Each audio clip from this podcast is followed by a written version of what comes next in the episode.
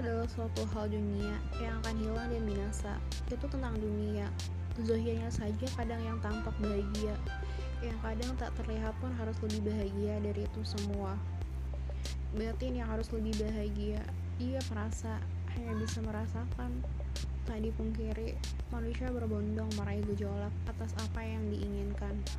Belum tentu apa yang dia butuhkan, itu menjadi gambaran kita hanya manusia yang tak luput dari dosa karenanya. Semua pasti salah, jangan selalu dipersalahkan. Lebih baik mari kita semua merangkul untuk menggapai ridhonya. Hanya perlu kita saat ini tak usah merasa baik dari yang lain. Justru ketika kita saat ini merasa baik, selama ini justru kita tidak baik-baik saja hanya mengadah pada Tuhan atau selalu memohon pengampunannya.